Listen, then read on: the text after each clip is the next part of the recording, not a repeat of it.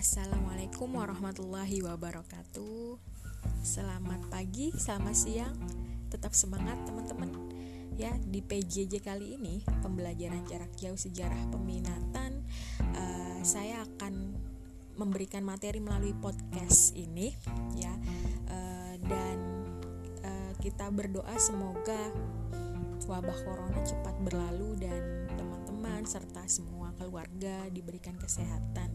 Oke, uh, untuk materi kali ini ya uh, saya akan menyampaikan tentang kelanjutan uh, yang sudah dikerjakan teman-teman minggu lalu tentang di kalau di kemarin itu tentang Cokro Aminoto ya filmnya. Dan di sini adalah kelanjutan dari perjuangan Cokro Aminoto ya yaitu tentang akar-akar nasionalisme dan demokrasi di Indonesia. Oke, kita bahas dulu deh uh, yang teman-teman kerjain kemarin.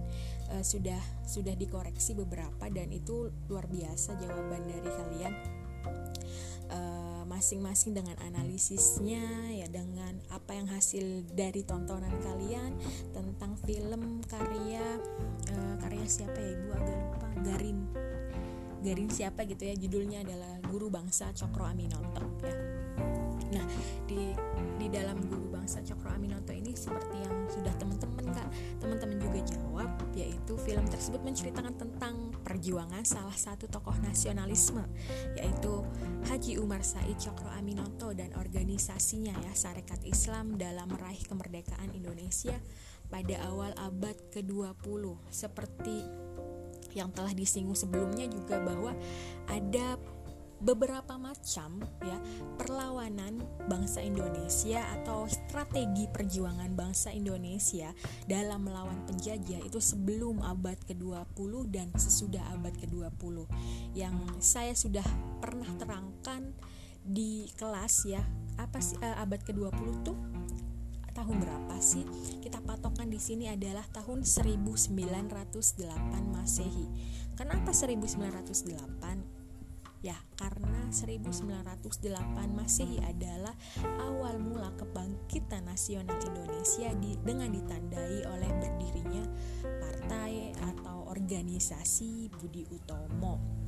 Nah, apa strategi perjuangan sebelum uh, abad ke-20 apa saja sih sifatnya ya atau ciri-cirinya sudah disinggung juga uh, kemarin di kelas uh, bulan yang lalu ya masih bersifat kedaerahan, kemudian bergantung pada pemimpin, kemudian perangnya masih menggunakan senjata atau perang-perang daerah. Seperti kita ambil contoh yaitu perang Pangeran Diponegoro atau perang Jawa, kemudian perang yang dilakukan oleh eh, antara kaum adat dan kaum padri ya dengan pimpinannya Tuanku Imam Bonjol di Sumatera Barat kemudian ada Kapitan Patimura di Maluku dan lain-lain. Ya gitu. Patokannya gitu ya teman-teman. Kemudian kalau sesudahnya sesudahnya itu lebih bersifat nasional. Nasional ya.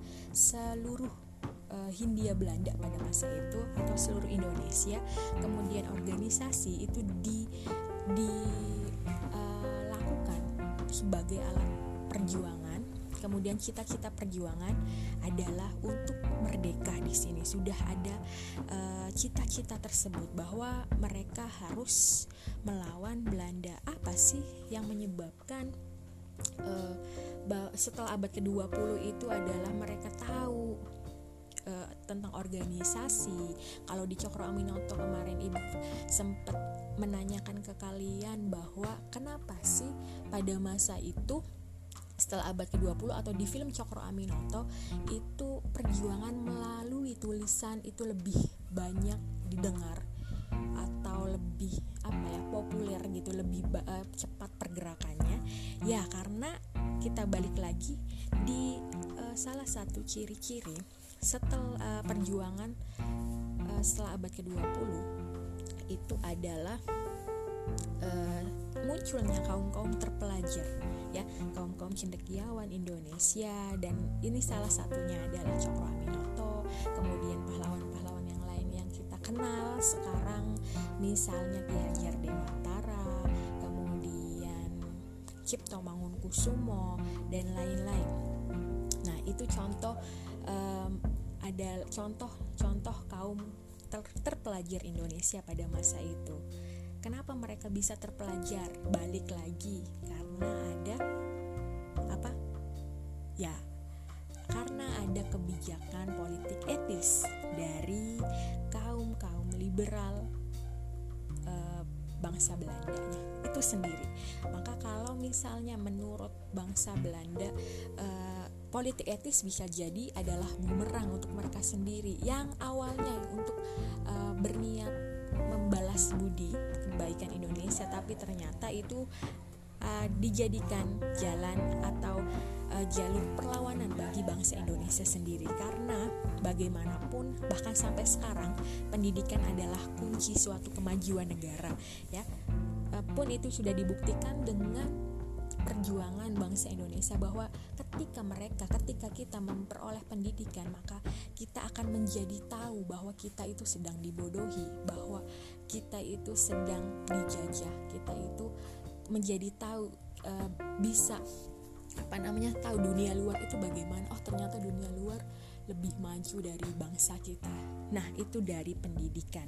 Sehingga me, apa ya namanya mengacunya pada yang pertanyaan uh, ibu berikan kenapa sih uh, melalui tulisan melalui organisasi itu lebih efektif ya karena tulisan itu bahkan bisa dibaca oleh dunia luar. Ya makanya kita contoh Cokro Aminoto pahlawan-pahlawan yang lain itu mereka sangat uh, karena dapat pendidikan dari Belanda maka mereka mendapat uh, didikan bahasa Belanda. Dengan itu mereka menuliskannya melalui bahasa Belanda dan di share kalau sekarang ya bahasanya di share atau dicetak itu di koran-koran Belanda. Bahkan mereka punya eh, masing-masing punya terbitan-terbitan koran. Sehingga alat perjuangan atau pendapat mereka atau uh, isi pikiran mereka itu dituliskan di koran tersebut. Dan ketika dicetak maka dengan sangat cepat uh, tersebar ke seluruh pelosok, ke seluruh bangsa, ke seluruh negara bahkan. Seperti itu ya. Oke, selanjutnya faktor-faktor uh, yang mempengaruhi munculnya nasionalisme. Sebelum faktor nasionalisme kita ke konsep nasionalismenya dulu ya. Apa sih nasionalisme itu pasti kalian udah pada tahu. Ya nasionalisme itu adalah ya cinta bangsa, kemudian apa namanya rasa memiliki suatu bangsa ya. Kalian udah paham lah ya nasionalisme itu apa. Oke, di sini faktor-faktornya adalah dibagi dua yaitu faktor internal dan eksternal ya faktor internal adalah dari dalam bangsa itu sendiri dan eksternal adalah dari luar yang datang dari luar Indonesia. Oke yang selanjutnya kita ke faktor internal. Apa saja sih faktor-faktor internal yang akhirnya melahirkan rasa nasionalisme bagi bangsa Indonesia? Tentunya eh, pada masa perjuangan memperebutkan kemerdekaan Indonesia. Ya, yang pertama ada kejayaan masa lampau. Apa sih kejayaan masa lampau itu? Kita tahu ya.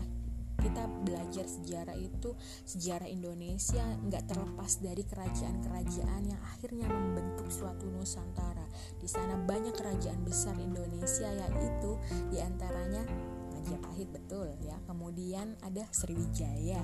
Itu dua di antaranya yang maju. Belum lagi kerajaan pada masa Islam yang berhasil juga menguasai perdagangan-perdagangan di jalur-jalur utama di Nusantara. Itu kejayaan masa lampau. Nah rasa apa ya? Misalnya kita oh Indonesia itu dulu bahkan Nusantara itu udah sampai Filipina itu rasa-rasa uh, pernah jaya di masa lalu itu memunculkan kembali semangat untuk oh kalau misalnya dulu kita bisa menguasai jalur perdagangan, menguasai uh, wilayah-wilayah kenapa sekarang tidak gitu. Kenapa sekarang malah lebih mundur? Harusnya lebih maju dong. Karena ada teknologi, karena pemikiran kita sudah cerdas, harusnya seperti itu. Nah, itu faktor internal salah satunya. Kemudian yang kedua adalah kemajuan bidang politik. Apa sih kemajuan bidang politik pada masa itu ya? Pada masa abad ke-20, ya kemajuan bidang politiknya adalah tadi sudah paham membentuk organisasi untuk uh, dinilai sebagai alat perjuangan uh, yang mumpuni untuk melawan bangsa penjajah itu di antaranya banyak kemajuan bidang politik di antaranya ada organisasi organisasi uh, Budi Utomo ya kemudian uh, apa namanya Indisi Party kemudian ada Sarekat Islam itu kemajuan kemajuan bidang politik di dalam faktor internal yang akhirnya memunculkan rasa nasionalisme. Kemudian yang ketiga, merasa senasib seperjuangan atau merasa sama-sama pernah terjajah gitu ya. Misalnya kalian uh, kita uh, analogikan atau kita gambarkan uh, misalnya kalian uh, yang perantau nanti atau ketika kuliah nanti perantau. Nah, biasanya ya biasanya ini pengalaman saya biasanya kalau ketemu sesama orang daerah satu daerah nih kemudian ketemu di luar kota atau di luar negeri itu udah kayak saudara gitu loh. Kayaknya kita tuh oh iya gitu kan. Udah walaupun ketika di kampungnya ketika di tempat asal kita itu nggak saling kenal tapi ketika di luar kota di luar negeri itu kayak oh makin cinta gitu ya kita sama daerah kita atau makin cinta kita sama negara kita. Nah itu mak maksudnya merasa senasib seperjuangan. Apa sih senasib seperjuangan di sini? Karena merasa sama-sama pernah dijajah oleh satu bangsa. Jadi istilahnya kita bersatu gitu bersatu tak bisa dikalahkan gitu ya. Bersatu untuk e, gimana caranya membuat Indonesia merdeka atau Indonesia itu maju. Kemudian yang selanjutnya lahirnya kaum terpelajar ya. Tadi udah kita bahas kenapa sih uh, lahirnya kaum terpelajar bisa memunculkan nasionalisme ya.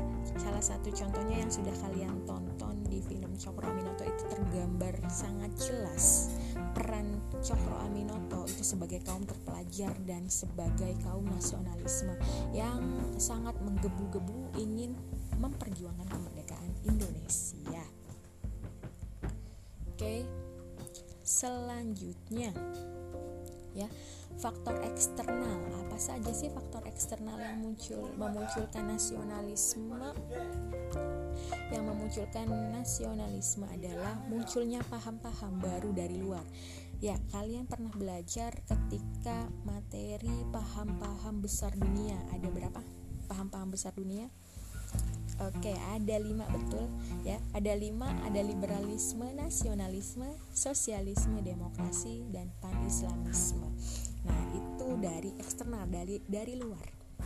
Kemudian selanjutnya adalah kebangkitan nasional di Asia Afrika karena sama-sama bangsa yang terjajah di Asia eh, negara-negara di Asia Afrika maka ketika suatu negara itu bisa merdeka itu merupakan semangat untuk negara-negara lain yang masih terjajah untuk segera memerdekakan diri dari penjajah. Kemudian yang selanjutnya adalah kemenangan Jepang atas Rusia pada tahun ya 1905 kita udah bahas tuh sering ya kemenangan Jepang atas Rusia. Uh, yang tadinya bangsa Jepang itu adalah bangsa yang dianggap remeh temeh karena dari Asia nggak maju terbelakang. Tapi ketika tahun 1905 siapa sangka siapa duga Jepang itu bahkan bisa mengalahkan Rusia. Nah dari situ dari situ inspirasi atau semangat Jepang itu menular kepada negara-negara Asia lainnya. Gitu. Oke. Ya selanjutnya adalah organisasi pergerakan Indonesia. Oke di powerpoint yang saya bikin yang saya buat itu sudah uh, terpapar ya. Apa saja sih organisasinya dan apa tujuannya siapa saja tokohnya silahkan dibaca. Kalau misalnya kurang uh, informasinya boleh kalian searching di internet atau baca buku lainnya.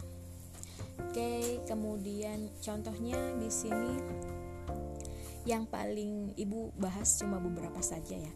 Yang paling berpengaruh yang pertama tentunya Budi Utomo ya yang adalah pelopor uh, organisasi pergerakan di Indonesia yang didirikan pada 20 Mei 1908. Tapi di sini sifat organisasinya adalah masih kooperatif dengan Belanda, artinya masih bisa diajak kerjasama dan belum radikal. Tujuannya itu belum ke uh, organisasi ini uh, biar Indonesia merdeka belum, tapi masih apa ya? Uh, Budi Utomo itu fokusnya adalah memberikan beasiswa pendidikan kepada uh, rakyat-rakyat. Nah, tapi di garis bawahi rakyat-rakyat di sini bukan rakyat-rakyat biasa, tapi uh, rakyat-rakyat priai, anak-anak priai, anak-anak pejabat desa gitu yang baru di apa ya kalau pada masa itu pendidikan itu baru diutamakan untuk golongan tersebut. Oke, selanjutnya ya uh, sarekat Islam yang telah kalian tonton mungkin kalian udah paham ya gimana sih cara uh, gimana sih perjuangan sarekat Islam dalam memperjuangkan kemerdekaan yang awalnya dari organisasi sarekat dagang Islam yang didirikan oleh Haji Saman Hudi.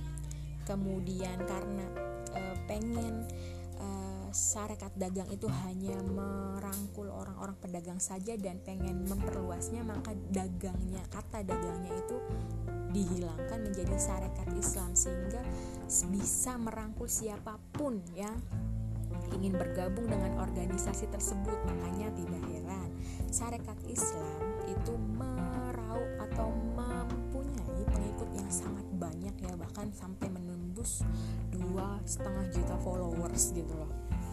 Luar biasa perjuangan Cokro Aminoto ya.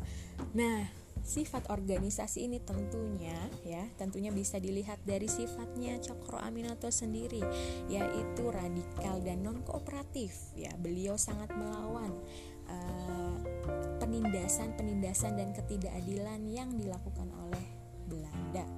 Kemudian yang ketiga adalah organisasi Indisi Party ya yang kita kenal kalian belajar dari SD itu tiga serangkai gitu tokoh-tokohnya siapa saja sih tokoh-tokohnya ya bisa dilihat adalah Dewas Dekker kemudian Dokter Dokter Cipto Mangun Kusumo dan Suwardi Suryaning atau yang kita kenal sebagai Ki Hajar Dewantara.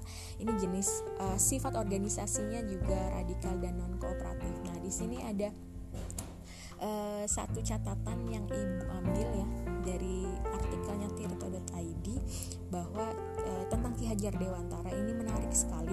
Ki Hajar Dewantara itu tokoh pendidikan ya tokoh pendidikan Indonesia dan sempat menjadi uh, apa ya namanya uh, buronannya Belanda gitu ya. Kenapa sih? Karena beliau sangat berani dalam tulisan-tulisannya ya, menuliskan pernah itu suatu saat ketika Belanda akan mengadakan apa hari ulang tahun hari kemerdekaannya Belanda itu minta untuk rakyat Indonesia merayakannya juga. Nah, di sini protesnya Ki Hajar Dewantara itu tidak suka dengan Belanda seperti itu maka dia tuliskan artikel di koran ya dengan judul uh, Als ik en Nederlanders apa sih artinya? Ya artinya adalah seandainya aku seorang Belanda di situ uh, silahkan dibaca di mozaiknya ya kenapa sih uh, Ki Hajar Dewantara menuliskan seperti itu kemudian uh, selanjutnya adalah Partai Komunis Indonesia. Nah, di sini ya Partai Komunis Indonesia uh, uh, sama partai uh, yang melawan penjajahan Belanda juga tapi lebih ke apa ya? radikal lebih ke uh, bawah gitu ya. Bawah uh, maksudnya ke rakyat-rakyat bawah mereka merangkulnya. Nah, kita tahu di sini Partai Komunis Indonesia itu uh, awal mulanya ya adalah bernama ISDV. ISDV itu singkatannya Indisi Sosial Demokratik Vereniging ya. Yang didirikan oleh ISDV adalah didirikan oleh seorang Belanda, seorang komunis Belanda. Kalau kalian juga nonton di Cokro Aminoto ada kan penyebab Sarekat Islam bubar ya atau Sarekat Islam itu uh, bertikai itu ada dibagi menjadi dua kubu ada Sarekat Islam merah dan ada Sarekat Islam putih Sarekat Islam merah itu uh, golongan atau kubunya Semaun, Darsono, Alimin dan lain-lain karena tadi dimasuki oleh ISDV atau Snefrit ya.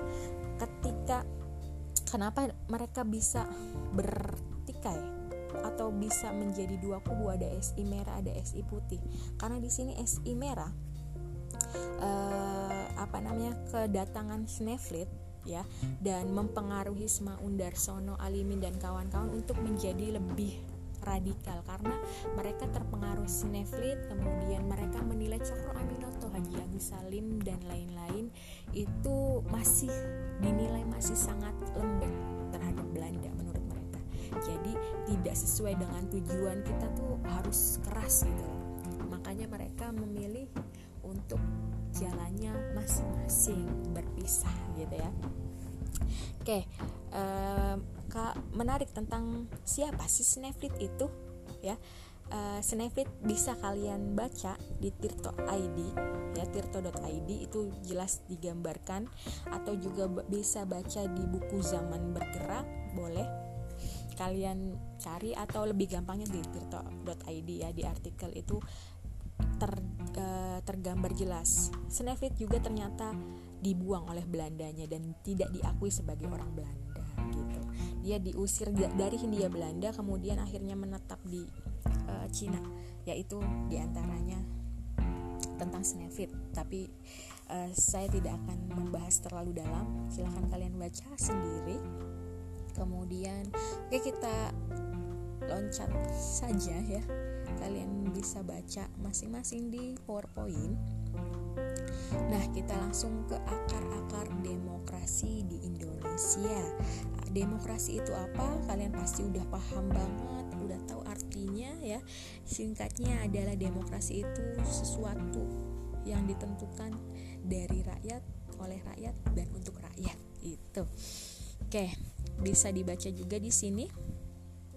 Dan gimana sih uh, akar demokrasi di Indonesia itu muncul? ya balik lagi ke tadi bisa dari kesadaran berbangsa e, di kawasan Asia Afrika.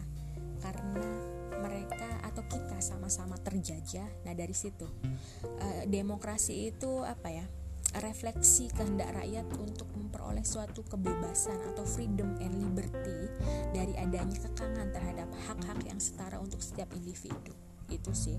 Kemudian demokrasi di Indonesia itu muncul sejak tahun 1913 saat para pemimpin organisasi contohnya Indisi Partai Sarekat Islam itu mengajukan tuntutan kepada pemerintah kolonial untuk diberi kebebasan menyelenggarakan pertemuan-pertemuan politik dan untuk menyatakan pendapat. Nah maka dari sini e, dibentuklah oleh Belanda atau didengarkan suara e, mereka itu dengan dibentuk namanya adalah Volksrat atau Dewan Rakyat yang isinya memang sebagian besar itu oh, dari orang-orang Belanda tapi ada juga perwakilan-perwakilan dari tokoh-tokoh Indonesia di mana nanti tokoh-tokoh Indonesia itu menyuarakan pendapatnya, menyuarakan apa saja yang terbaik untuk Hindia Belanda atau Indonesia.